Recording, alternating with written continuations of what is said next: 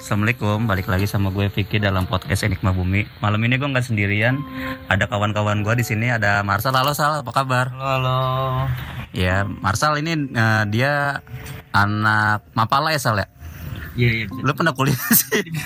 oh gitu. bisa dibilang sih kayak gitu. Oke. Tapi sehat ya Sal? Sehat-sehat alhamdulillah. Pandemi eh, usaha jalan terus nih.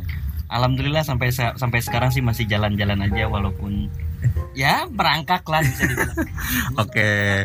Ini satu lagi ada teman kita lagi biasa ahli supernatural kondang Rijal Fahmi kata Rijal. Gimana Jal? Eh, alhamdulillah baik baik baik. Baik baik. Iya iya. Eh, stabil Jal? Ah, sama kayak artis-artis lain biasa aja gue sih. Oke, jadi malam ini kita akan bahas tentang misteri kematian 9 pendaki di Rusia gitu. Eh, yang masih jadi misteri kurang lebih selama 60 tahun gitu, Sal. Wah, lama banget. Iya.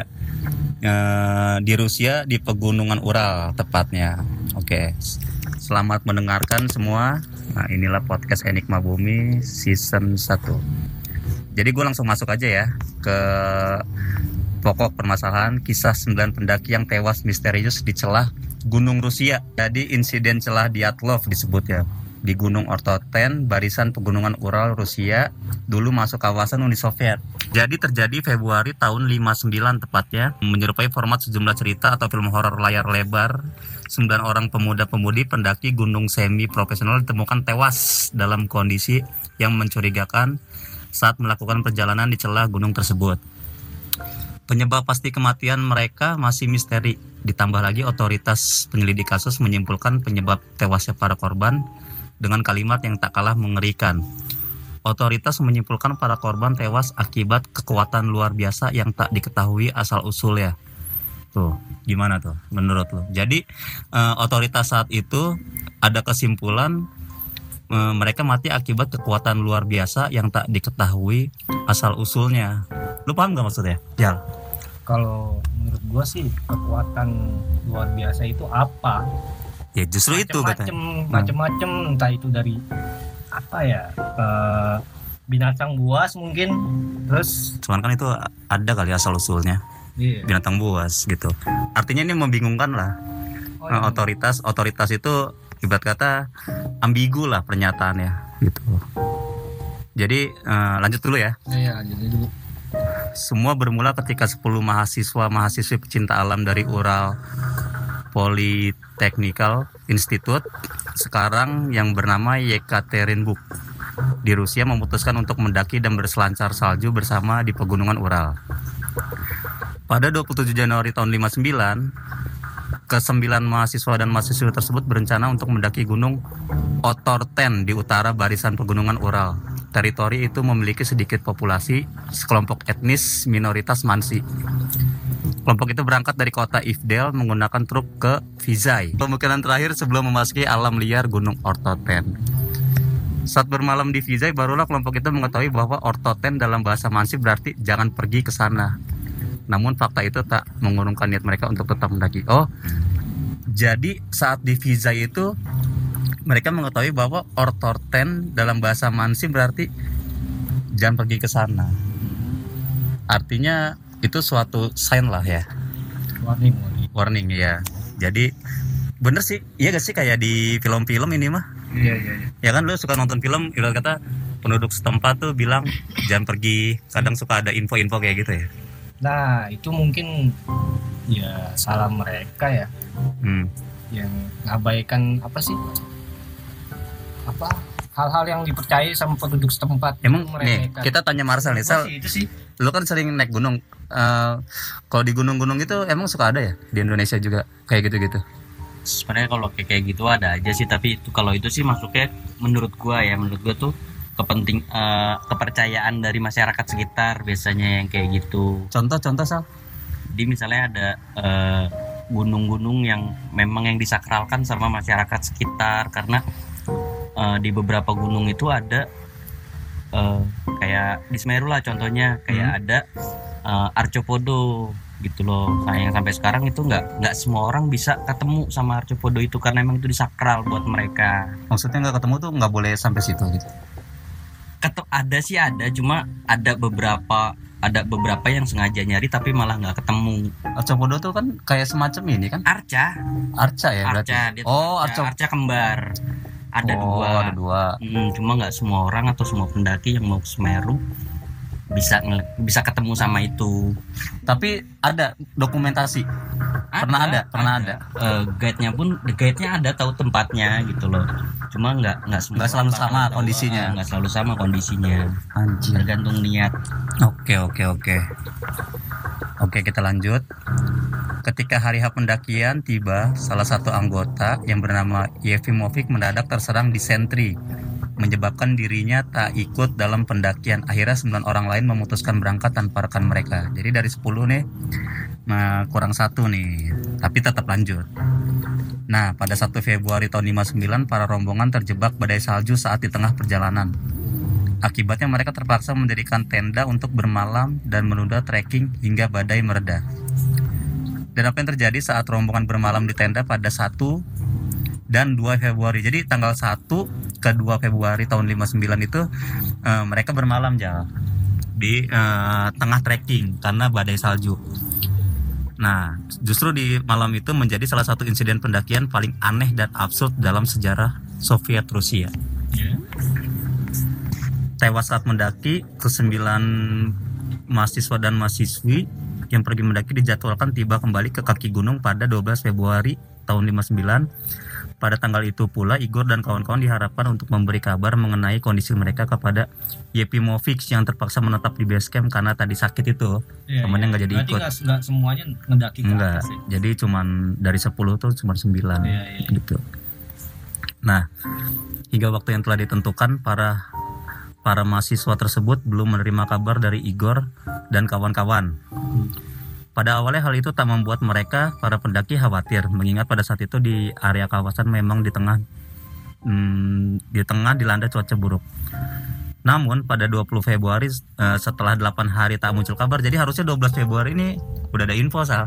Mm-mm. 12 Februari tapi eh, tanggal 20 Februari pun belum datang info jadi udah udah udah miss 8 hari dah tuh gitu dari dari jadwal mereka dari jadwal turun. mereka ah, dari jadwal mereka turun lalu Yefimovic temen yang ditinggal nih yang sakit itu dan keluarga para pendaki mulai khawatir serta mulai mengabari otoritas setempat lalu proses pencarian dilaksanakan melibatkan relawan dari eh, institut SAR polisi tentara dan dibantu menggunakan helikopter pada 26 Februari, 6 hari kemudian dari awal laporan nih, Iya. Lokasi camp para pendaki yang telah tertimur salju ditemukan di lokasi yang cukup jauh dari trek pendakian normal. Jadi dari trek pendakian itu tendanya itu eh, ditemukan dari trek itu jauh sal. Mm-mm. Enggak apa ya artinya enggak melenceng jauh dari kenceng jauh lah. Enggak seharusnya ada di situ gitu loh. Tapi kalau di alam itu bisa ya begitu ya. Kalau untuk di alam ya kemungkinan terburuknya memang selalu ada hal kayak gitu apalagi kita yang nggak pernah tahu di pegunungan apa Rusia ya di sana itu 60 tahun lalu mungkin masih ada tentara-tentara Soviet mungkin ya biasanya untuk untuk yang mereka militer militer kayak gitu kan memang ngebase mungkin ya ngebase di Oh, iya sana ada pangkalan sih. militernya Iya, mungkin benar ya juga. apalagi dugaan korbannya kan yang eh, bermacam-macam apalagi Hmm. di Rusia itu di gunung es khususnya mereka masih punya kepercayaan eh, Yeti ya kalau nggak salah Serius loh. itu Yeti Yeti kalau di Rusia tuh kayaknya mas eh, Jadi bisa aja ya Sal ya. Eh, dia ngecamp tuh di luar jalur gitu. Tergantung. kemungkinannya akan tetap ada Hmm, oke. kemungkinannya akan tetap ada Oke. walaupun sampai sekarang belum terpecahkan juga kan Oke. Kita lanjut dulu ya. Tim SAR menemukan kain bagian belakang tenda para pendaki nampak seperti habis dicabik benda tajam dari arah dalam tenda, seakan mengisyaratkan bahwa para penghuni camp berusaha untuk keluar secara paksa. Logistik para pendaki pun seperti jaket dan makanan masih berada di dalam tenda menimbulkan kecurigaan bahwa Igor dan teman-temannya nampak ingin keluar tenda secara terburu-buru. Nah, jadi ini ini ini jadi eh, penyelidikan pertama tuh eh, tendanya dulu yang ditemuin. Dia tuh kayak yang dirobek-robek dari dalam mengisyaratkan penghuni campnya itu mau buru-buru cabut dari dalam tenda keluar gitu maksudnya gitu. Jadi eh, absurd sih menurut gua. Kayak yang pada perebut keluar gitu. Penemuan jasad. Nah ini kita masuk dalam proses evakuasi nih Nggak jauh dari tenda, otoritas menemukan sejumlah jejak kaki tanpa menggunakan sepatu yang dibuat oleh sekitar 8 sampai 9 orang. Mengindikasikan bahwa para pendaki melarikan diri menjauh dari camp. Setelah menelusuri jejak, aparat menemukan dua jasad mendaki bernama Georgi dan Yuri. Keduanya tak berbusana dan hanya mengenakan celana dalam. Tewas membeku. Di dekat mereka ada setumpuk abu, menandakan bahwa kedua korban sempat berusaha membuat api untuk menghangatkan diri. Kemudian aparat juga berhasil menemukan tiga jasad lainnya bernama Igor, Zianaida, dan Rustem yang berlokasi di antara tenda dengan tempat jasad Georgi dan Yuri. Jadi tiga orang ini di tengah-tengah nih antara jasad eh, Georgi dan Yuri dan tenda. Nah tengah-tengahnya tuh ada tiga orang. Ya, lo masuk gak? Masuk gak? Masuk masuk. Masuk kan? Kayak gitu kan? Spekulasi gue di sini banyak banget ya. Ya tahan dulu aja, Iya. tahan dulu. Oke, ini kayaknya udah nggak sabar nih narasumber kita nih mengeluarkan. Enggak, yang lebih berkompeten soal gue. Nah, Ada di iya. hadapan gue. Ya suhunya masih di. Iya. dia belum panas dia. Oke, lanjut dulu. Aparat menyimpulkan Igor, Zinaida dan Rustem masing-masing ditemukan terpisah terpaut 100 hingga 200 meter. Tewas dalam kondisi dan posisi yang nampak seperti hendak kembali ke tenda mereka. Lah, jadi si Igor, Zianudi dan Rustem ini Sal, Iya. dia ditemuin terpisah 100 hingga 200 meter tapi dalam posisi dia mau balik lagi ke tenda justru. Dan sama yang tadi korban sebelumnya, eh, Dia justru posisi tendanya itu seolah-olah dia pengen keluar dari tenda. Iya, itu kan dari awal seorang mau keluar dari tenda. Dan lima orang itu ditemukan yang dua itu mau bikin api unggun dan yang tiga itu mau kembali ke tenda gitu. Iya. Sementara itu empat jasad lain baru dapat ditemukan setelah proses pencarian selama lebih dari dua bulan. Ketika musim semi tiba dan salju mulai meleleh di kawasan Gunung Ortorten, pada 4 Mei jasad keempat mahasiswa ditemukan terkubur salju di sebuah ngarai yang berlokasi sekitar 75 meter dari hutan. Tak seperti jasad yang lain, keempat jenazah itu ditemukan mengenakan pakaian anti dingin yang cukup mumpuni. Akan tetapi anehnya pada badan keempat jasad itu terdapat beberapa luka lebam tak seperti keli- kelima jenazah lain. Nah, menurut lo gimana Sal? Ini lo pernah gak sih eh, dengar kasus kayak gini sebelumnya? Kalau menurut gua sih, eh enggak sorry kalau buat gua ngedengar kasus ini menurut gua cukup aneh. Anehnya itu eh, yang korbannya sebelumnya ini ada yang nggak pakai baju, Nah, itu. Eh, ada yang nggak pakai baju, terus sama yang terakhir itu berpakaian lengkap tapi ada apa tadi sorry Yang mana? Yang yang berperan terakhir ya yang berbusana lengkap dan anti lebam. dingin Oh, itu luka Ada lebam. luka Oh, lebam. luka Nah, itu sebenarnya aneh juga sih dan itu cukup berjauhan lah ya cukup berjauhan lah posisinya nah jadi kayaknya memang menurut gua sih ya Hmm. memang Mabuk kali ya? nggak mabuk lah mabuk jauh-jauhan dia Tapi aneh loh ya. Ada enggak menurut gua apa karena yang nggak pakai baju itu yang mabuk. Yang pakai baju ini egois Enggak. terus digebukin. Ada ceweknya nggak di situ ya pertanyaan? Ada dong. cewek. Itu Yuri Tapi- emang apa? tapi kalau kalau menurut gua ya kalau menurut gua kenapa yang deket tenda itu eh, nggak berpakaian atau Ah, oke. kayak setengah bugil lah setengah bugil dan yang Hmm. jauh itu berpakaian lengkap menurut gua sih ya. Kayaknya yang mereka yang deket tenda itu hipo hipotermia ya. Karena emang gejala-gejala hipotermia itu si orang ini akan merasa kegerahan. Padahal posisi badannya panas apa? Posisi badannya panas tapi dia ngeras eh, posisi sorry posisi badannya dingin. Ah, tapi dia pengen buka baju. Jadi kayak gitu maksud dan lo maksud lo halu gitu. Kayak emang hipo tuh halu Oh, halu Hipo gitu. tuh pasti halu.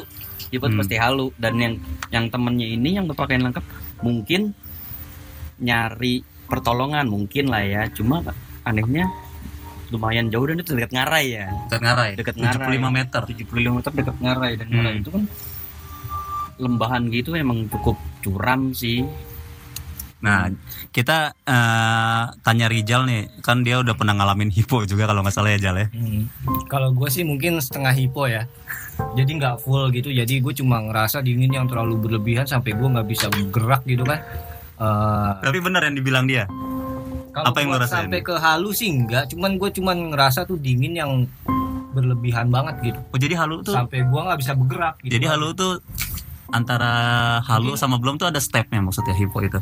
Kalau untuk untuk hipo ya sama yang dibilang Rijal tadi dia tuh eh, halu eh halu sorry hipo itu kan emang dingin yang berlebihan sampai si dinginnya itu Hipotermia kan maksudnya. ini? hipotermia Hmm. si dinginnya itu saking dinginnya itu ya lu panas lu ngerasa panas jadi ketika lu dapet hipo lu malah bukannya nutup nutupin pakai yang tebel badan lu tapi lu malah uh, buka baju dan seakan-akan lu kegerahan Oh, tapi seharusnya kan emang harusnya ditutup ya. mungkin kalau gue berak posisinya waktu itu kena- kenanya po- di level terendah kali ya jadi gue cuma ngerasa dingin yang dinginnya tuh dingin dingin banget sampai gue tuh butuh selimut yang tebel sampai pakaian Dan belum belum sampai tahap lu tuh ngerasa Ya, harus buka baju gitu. Bel- belum nah, jadi setelah itu setelah dinginnya hilang gue langsung sadar lagi Tapi gemetar badan.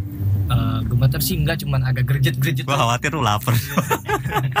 enggak Bisa kan? Namanya gunung bisa aja. gue cuma mau apa nih ini kan menurut pandangan seorang ahli soal pegunungan ya dia Tanahan ya, pertanahan nih. Siapa bapak sorry, sorry. Ini- agraria. ya agraria. Ini sudut pandang gue sebagai uh, ahli supranatural ya kan? Eh lu, lu dianggap bener ntar. jadi menurut gue dia dikejar jin. Jarjin. iya. Jadi ada Deh, hal-hal ntar dulu, nanti dulu. nanti dulu. nanti dulu. Kalau menurut eh, dari sisi supranaturalnya dikejar jin itu gitu loh pembuktiannya dari mana Iya, iya, lu harus harus ada dasarnya juga gitu argumen lu gitu ya nah kan. itu dia maksud gue kan situ Oke, berarti lu butuh info tambahan ya. Ah. Iya, nah untuk sementara kesimpulan lu ke situ ya. Iya. Oke, kita lanjut aja dulu ya. Beberapa ahli menyatakan beberapa penyebab nih, cuy. Ya. Ada hipotermia, Mm-mm. monster hingga alien. nah. Nah, ya kan. Nih, gue baca dulu ya. Hipotermia jadi teori yang paling diyakini mengenai sebab musabab kematian 9 pendaki dari eh, Ural Institute. Namun ada sejumlah pertanyaan yang tak terjawab yang justru menyebabkan teori kematian akibat hipotermia menjadi tidak relevan. Nah, ini counter nih.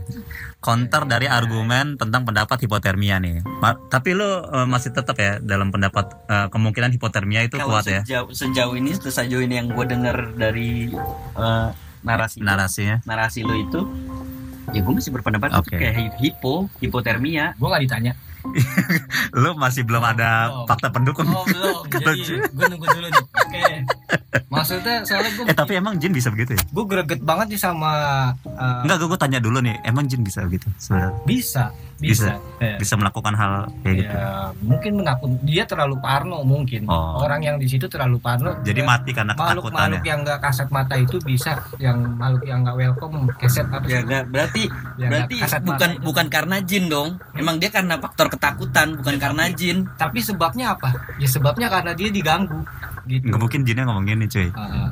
Pede banget lu karena gue, lu mati kepleset aja karena lari. Iya, nah nah gue yang lebih lebih apa ya gue berpikir eh, kenapa orang-orang yang orang yang pakai baju lengkap itu lebam-lebam mungkin dia terlalu takut sampai dia lari terus terjatuh Bisa.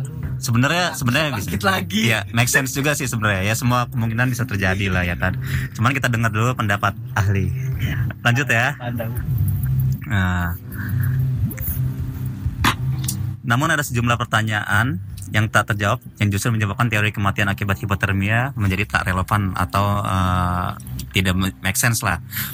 Pertama, penyebab kain tenda bagian belakang tercabik dari dalam tidak diketahui. Pemicu mengapa para pendaki meninggalkan barang-barang mereka dan seakan keluar dari tenda secara terburu-buru juga tidak jelas. Faktornya apa? Jadi eh, penyelidikan itu menyimpulkan ini udah fix nih. Orang-orang di dalam tenda itu cabut. Terburu-buru. Pengen, pengen segera keluar. Pengen segera keluar sehingga saking terburu-burunya tuh tenda disobek dari dalam langsung keluar. Ada mungkin eh, di dalam tenda itu mereka ada yang nggak pakai baju pakai mungkin pakai apa disebutnya tuh kalau dalam tenda itu sleeping bag ya. Ada yang memang udah pakai pakaian lengkap gitu. Gue lanjut lu.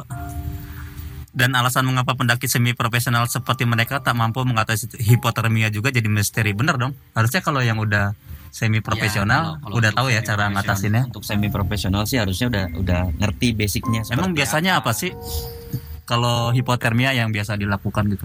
Kalau untuk eh, untuk orang yang kena eh gejala sorry sorry. Gue tanya dulu penyebabnya dulu apa?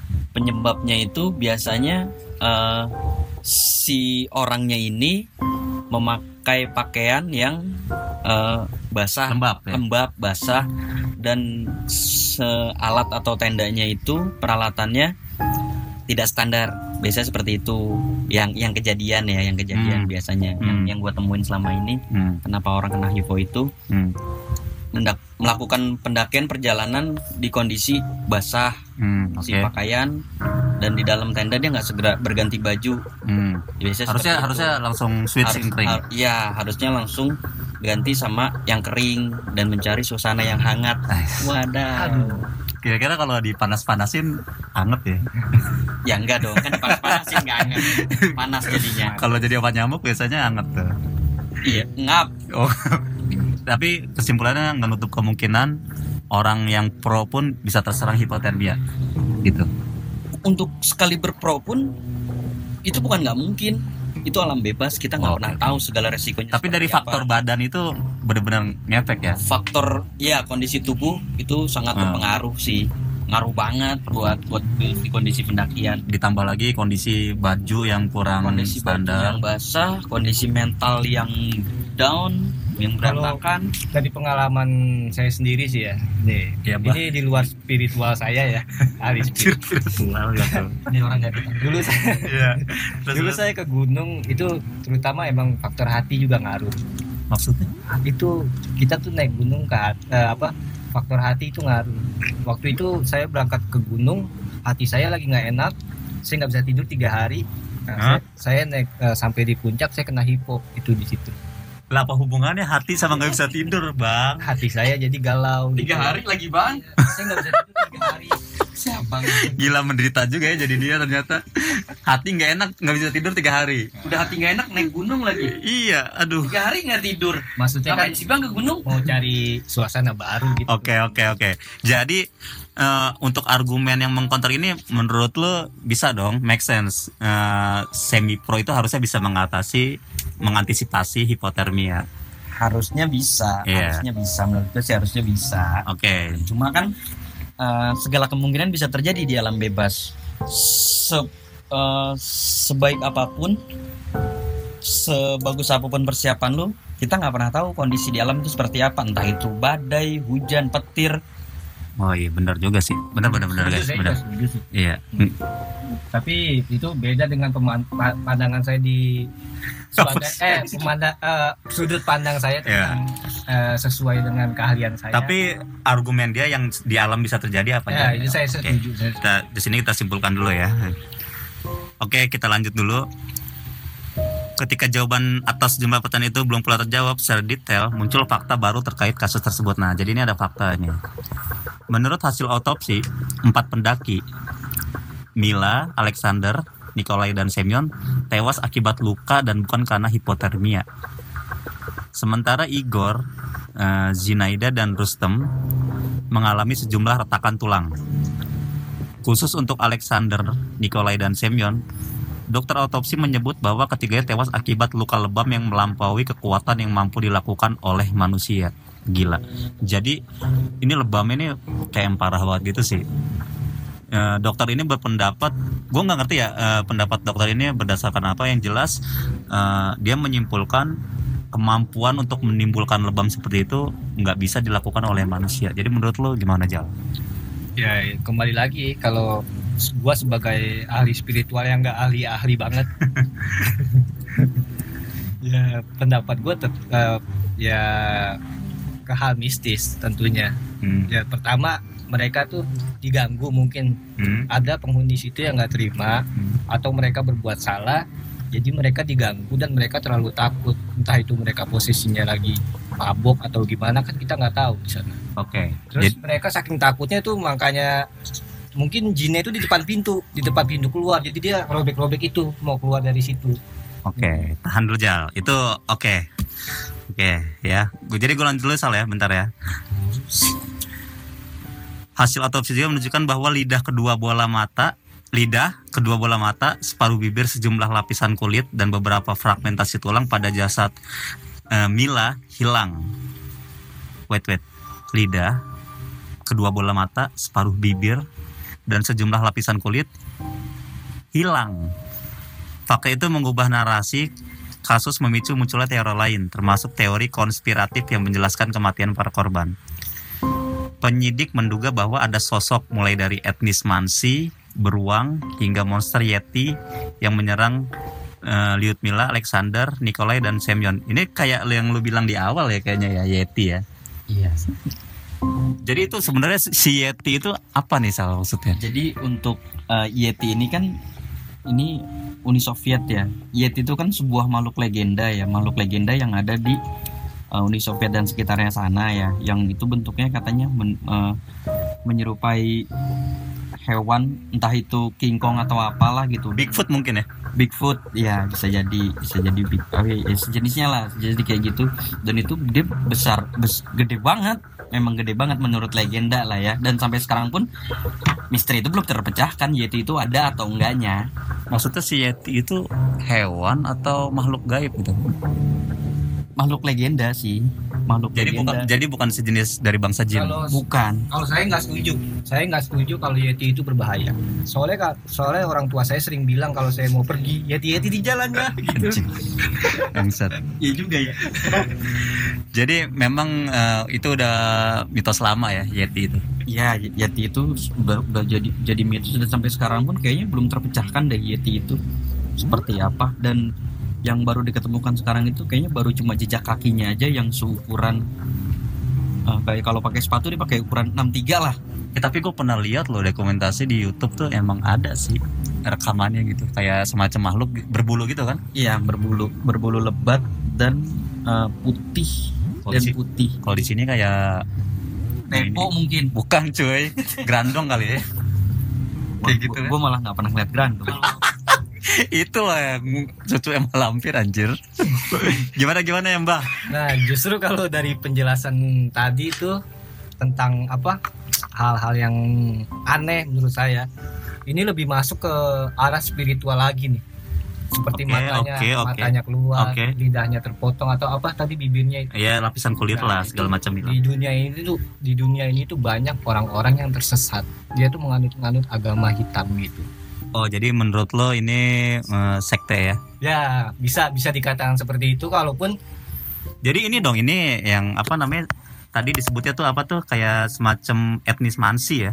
Etnis etnis itu dah maksud ya penduduk mungkin asli. ya saya baru dengar baru dengar kata-kata itu ya mungkin bisa jadi seperti itu eh, berhubungan dengan spiritual juga kepercayaan-kepercayaan yang aneh orang-orang yang tersesat yang berhubungan dengan eh, makhluk-makhluk halus gitu deh Oke oke oke menarik menarik banget nih teman-teman ya. Jadi eh, banyak banget pendapat mengenai kematian ini, eh, kematian para pendaki ini. Eh, dan ada fakta-fakta eh, tambahan nih. Selain itu tidak ditemukan jejak kaki selain kesembilan pendaki. Artinya nggak ada orang lain di situ, cuy. Gitu loh. Kalau jejak-jejak eh, jejak-jejak korban itu ada, tapi selain mereka nggak ada. eh kalau enggak gini sorry Eh, terjadi perselisihan gak sih antara mereka gitu loh Maksud lo? iya jadi di antara kesembilan orang Maksud ini lo ribut gitu? Nah, bisa jadi kayak gitu. Bisa nggak sih terjadi perselisihan antara mereka? Ya, apalagi apalagi diketemukan mereka jaraknya eh, lumayan jauh ya, berjarak lah gitu ya. Oke. Bia- eh, kayaknya menurut gua ya, Masa mati semua cuy? enggak dong. Ya mati semua kan ini sembilan orang. Oke, ini iya benar maksudnya iya ini mati semua. Cuma ada yang janggal gak sih dari yang dekat tenda itu yang udah nggak pakai baju atau lo setengah-setengah bugil? Ya kalau lo bilang janggal sih emang udah janggal dari awal. Enggak, maksudnya yang yang deket tendanya ini kok setengah bugil tapi sementara yang jauh yang dekat ngarah yang dua orang itu eh berpakaian lengkap ah, tapi iya. terdapat luka lebam di Ah, dalam tubuhnya iya. gitu loh. Dan ada yang kehilangan mata bibir Ya itu sih aneh banget sih menurut gua. gitu Iya.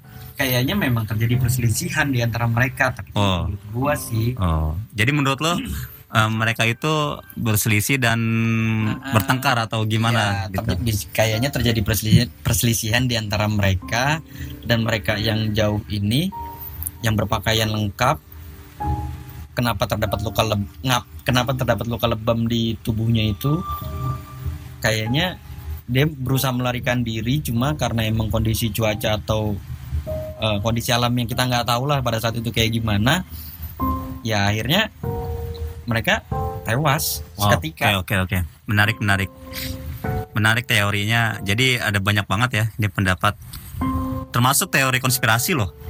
Belum percaya gak ada konspirasinya? Gue bacain ya. Teori konspirasi lain menyebut bahwa mereka dibunuh oleh alien. Namun seperti kebanyakan hal tentang alien, teori itu sangat diragukan. Akhirnya pada Mei 1959, investigasi terkait kasus itu ditutup dan otoritas menyebutkan bahwa kematian para korban disebabkan oleh kekuatan spontan yang sangat dahsyat yang tidak dapat ditangani oleh para pendaki.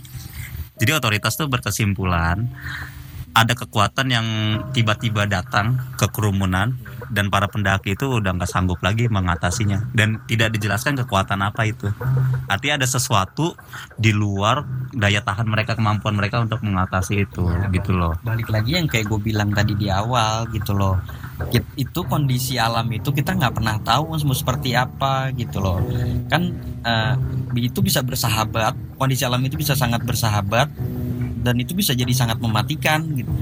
Karena kita nggak pernah tahu kondisi alam itu seperti apa. Lu sendiri pernah ngalamin?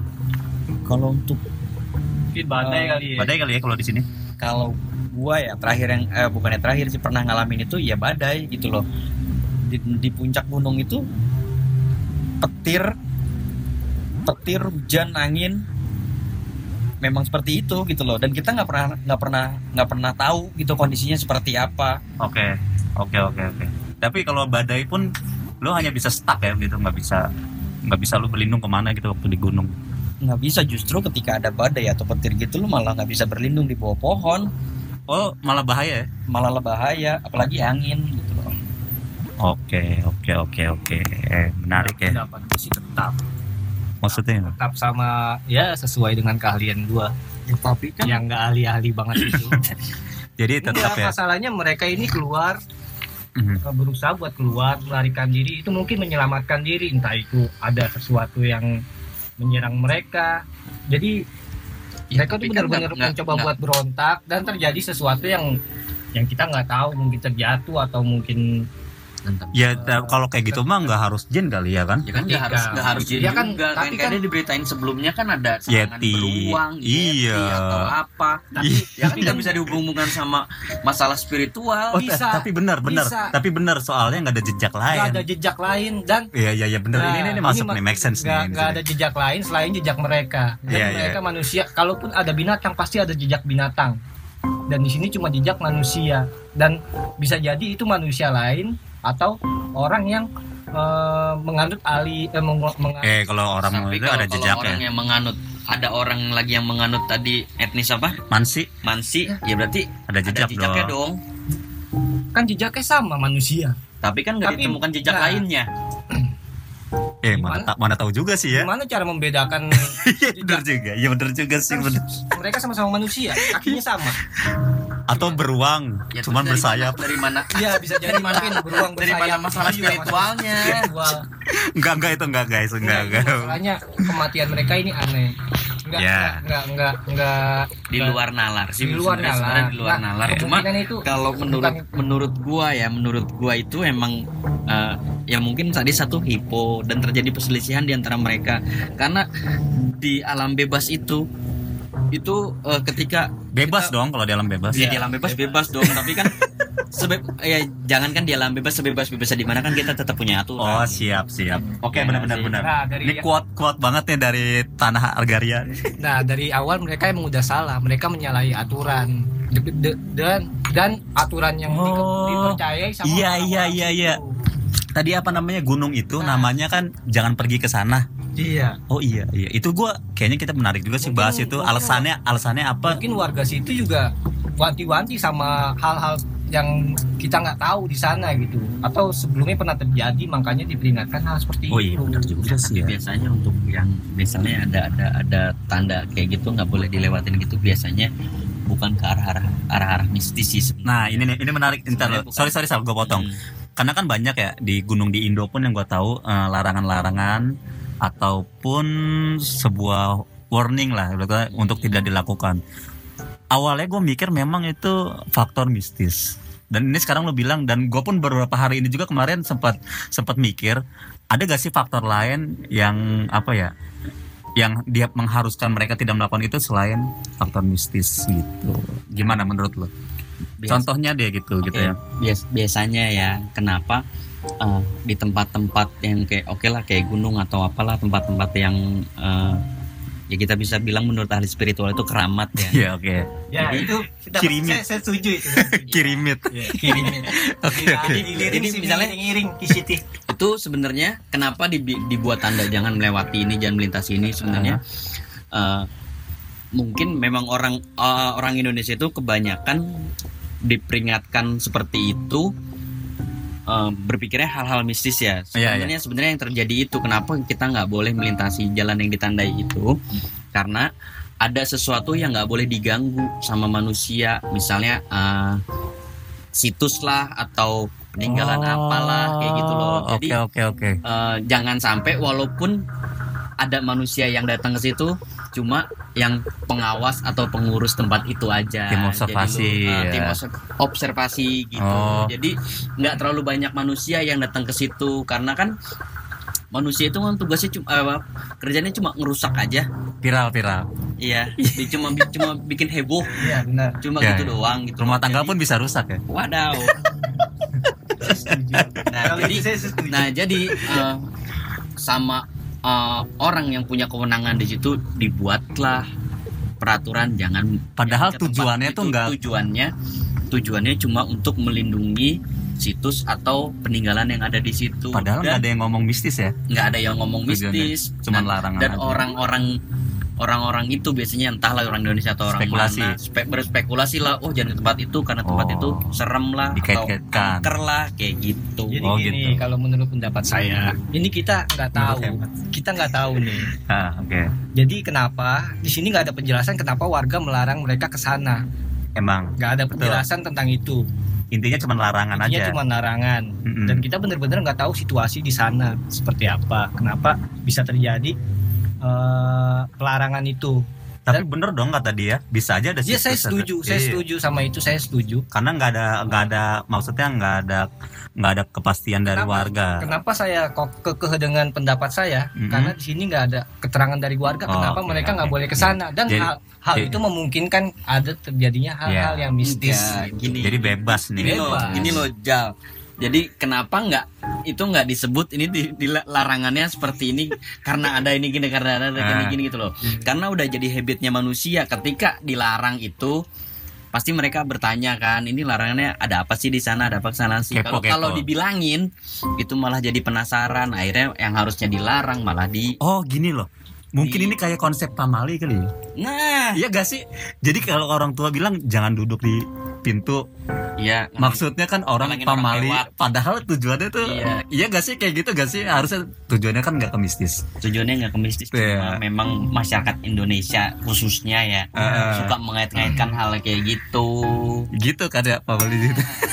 Oke oke menarik deh guys deh. Dua narasumber kita masing-masing punya pendapat yang Ini kuat. kayaknya bapak ini belum pernah disantet sih. Jangan bahas Jangan nggak boleh ya? Nggak boleh. satet online. PSBB. balik Enggak, ya, balik ini- lagi balik lagi ke topik dong Saya, balik lagi. Oke. saya beropini seperti itu karena emang nggak ada penjelasan kenapa itu dilarang. Harusnya warga. Apa sih pakai saya anjir gue tampol anjir. Aku gue jadi baku banget. Oke. nih Oke oke, sekarang kita lanjut dulu dan nih. Jadi setelah kejadian itu, eh, setelah tiga tahun penyelidikan tempat eh, tempat kejadian perkara ditutup seluruh area tempat tewasnya korban ditutup eh, dan tidak lagi dibolehkan untuk umum guys gitu ya kan. ngomong-ngomong soal korban, gini kita korbannya dia di domba sama dia. Enggak lah, Jadi kita berdua berdua. iya jadi sebenarnya dia yang mengambil keuntungan enggak. Oke kita lanjut ya untuk pendapat eh, pendapat lain nih. Kita harus harus harus compare juga untuk pendapat yang lain ya kan. Para peneliti mungkin telah memecahkan misteri Dyatlov Pass. Ya, ini jadi ada artikel Ustaz cuy. Ada artikel tentang eh, teorinya nih dari misteri peristiwa naas Dyatlov Pass atau kematian sembilan pendaki.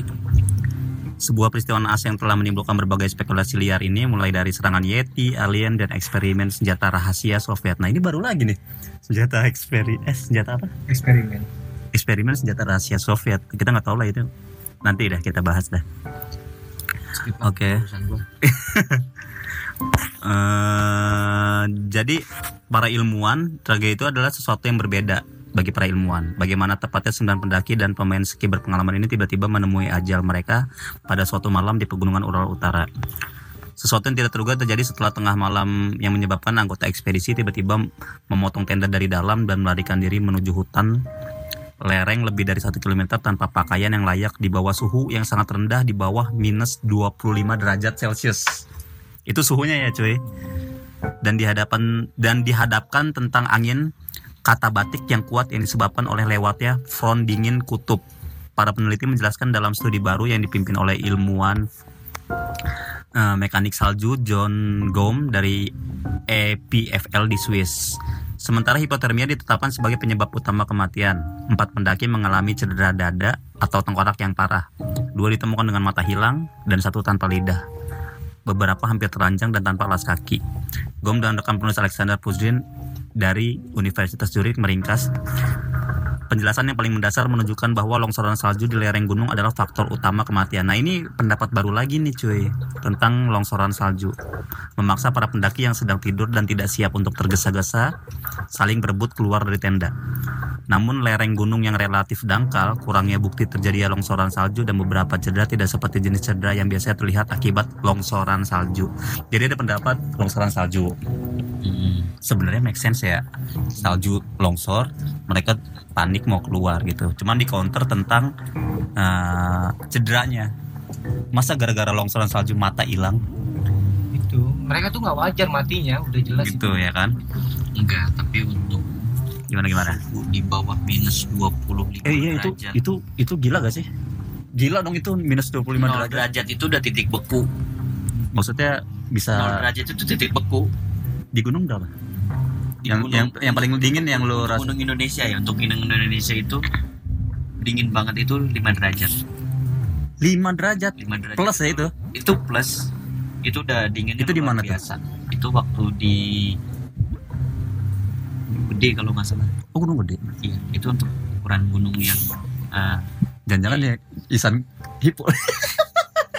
bukan deh. Bukan. Bukan. bukan yang itu. Itu masih masih under control ya. Itu Itu masih Masih masih masih sering. gua akuin dingin itu tapi gue masih mengontrol masih bisa soalnya gue tidur kalau yang waktu hipo gue tiga hari nggak tidur Iya, itu dan ceritain lagi lah. itu untuk ya soalnya di 0% itu di titik beku 0% 0% derajat. 0 derajat itu buset udah kena kopi Oke, oke. Ini minus ini ini minus 25 derajat. Artinya minus 25 di bawah titik beku. Kulkas berapa sih, cuy? kulkas sih 0 derajat Oh, itu yang freezer itu ya. ya untuk ukuran freezer bisa minus 10 lah Oh. Jadi gila dong itu ya, minus 25 derajat.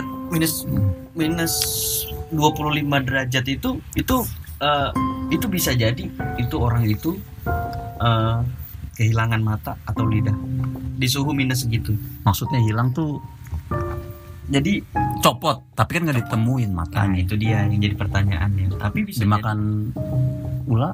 Eh, ula.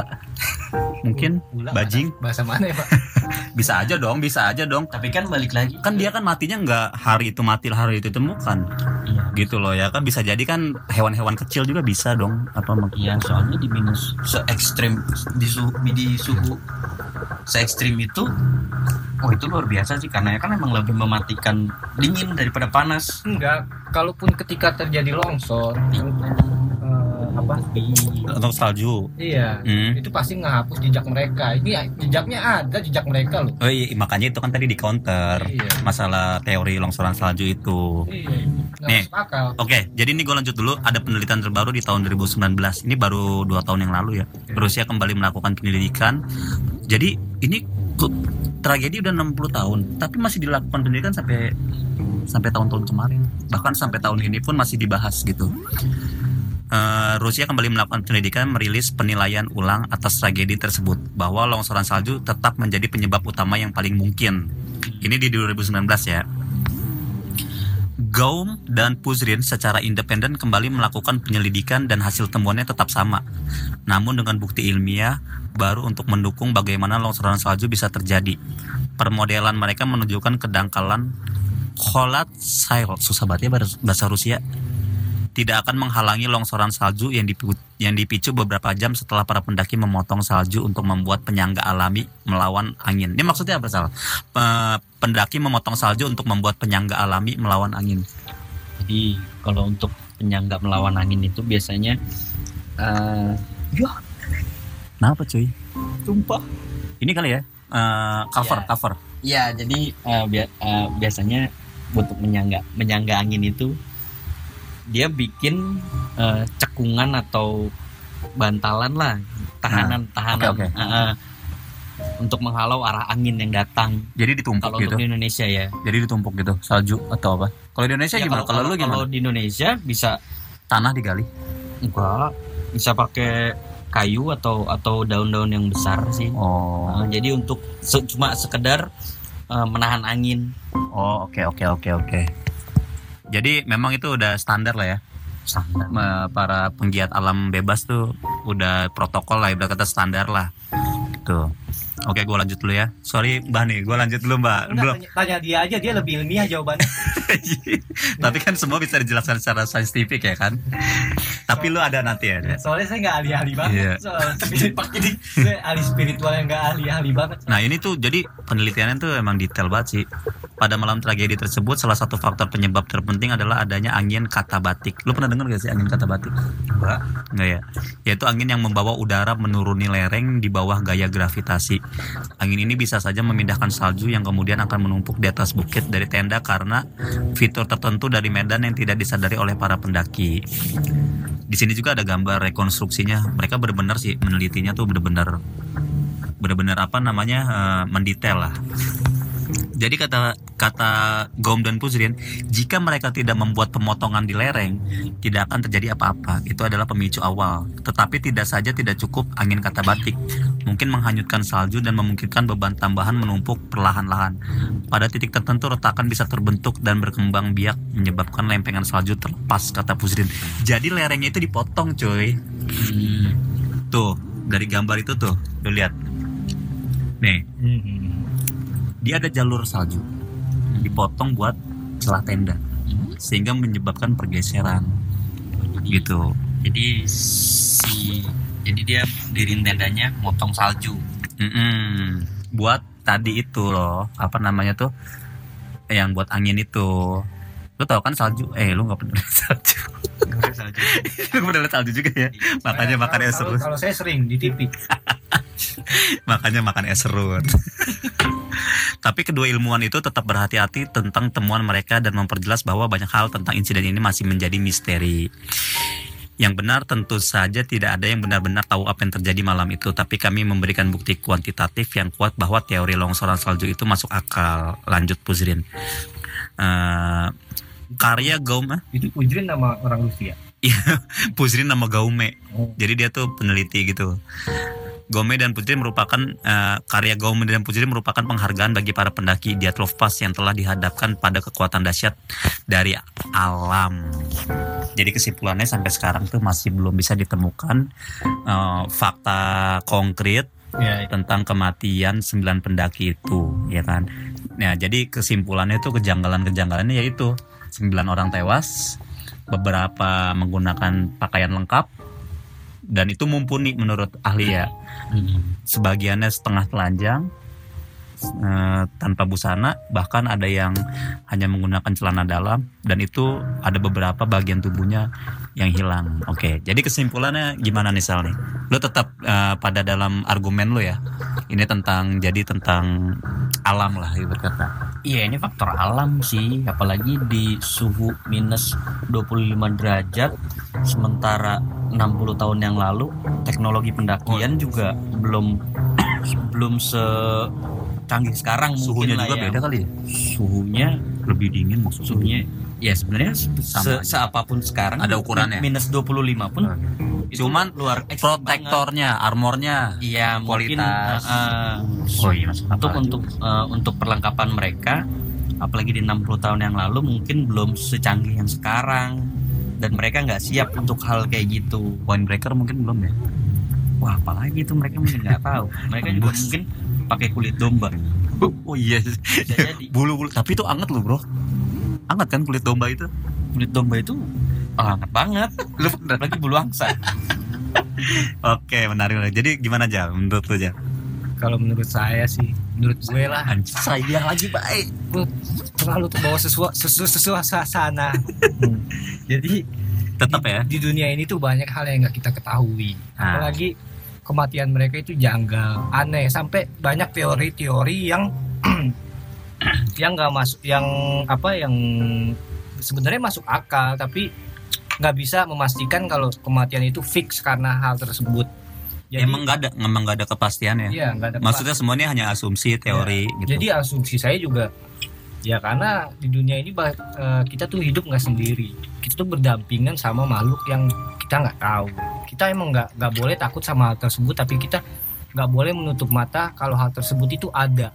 Dan kepercayaan kepercayaan orang yang yang enggak yang di luar kepercayaan manusia biasa itu ada. Jadi memungkinkan ada orang-orang yang apa ya yang nggak bener gitu ngikut-ngikut aliran begitu atau ber, ber- berkomplot dengan iblis lah sebutannya begitu Tapi bener sih, eh, apa aneh sih. Kita ini kan bukan ahli ya, tapi Iya. ini hanya pendapat aja sih, gitu. Sedangkan para ahli aja yang mereka memang punya otoritas, punya keahlian khusus dan punya kemampuan buat menganalisa, sampai sekarang pun belum menemukan jawaban yang apalagi saya yang nggak ahli-ahli banget itu dia ya kan gitu guys Em, jadi gitu aja ya Sal. Ya dari mungkin dari pendapat gue ya cuma seperti itu aja. Hmm, dan mudah-mudahan closing statement closing statement. Sebagai lo sebagai penggiat alam bebas agar kondisi atau kejadian semacam ini tuh bisa ibarat kata bisalah diminimalisir dari pri- segi prepare dari segi antisipasi atau apa gitu.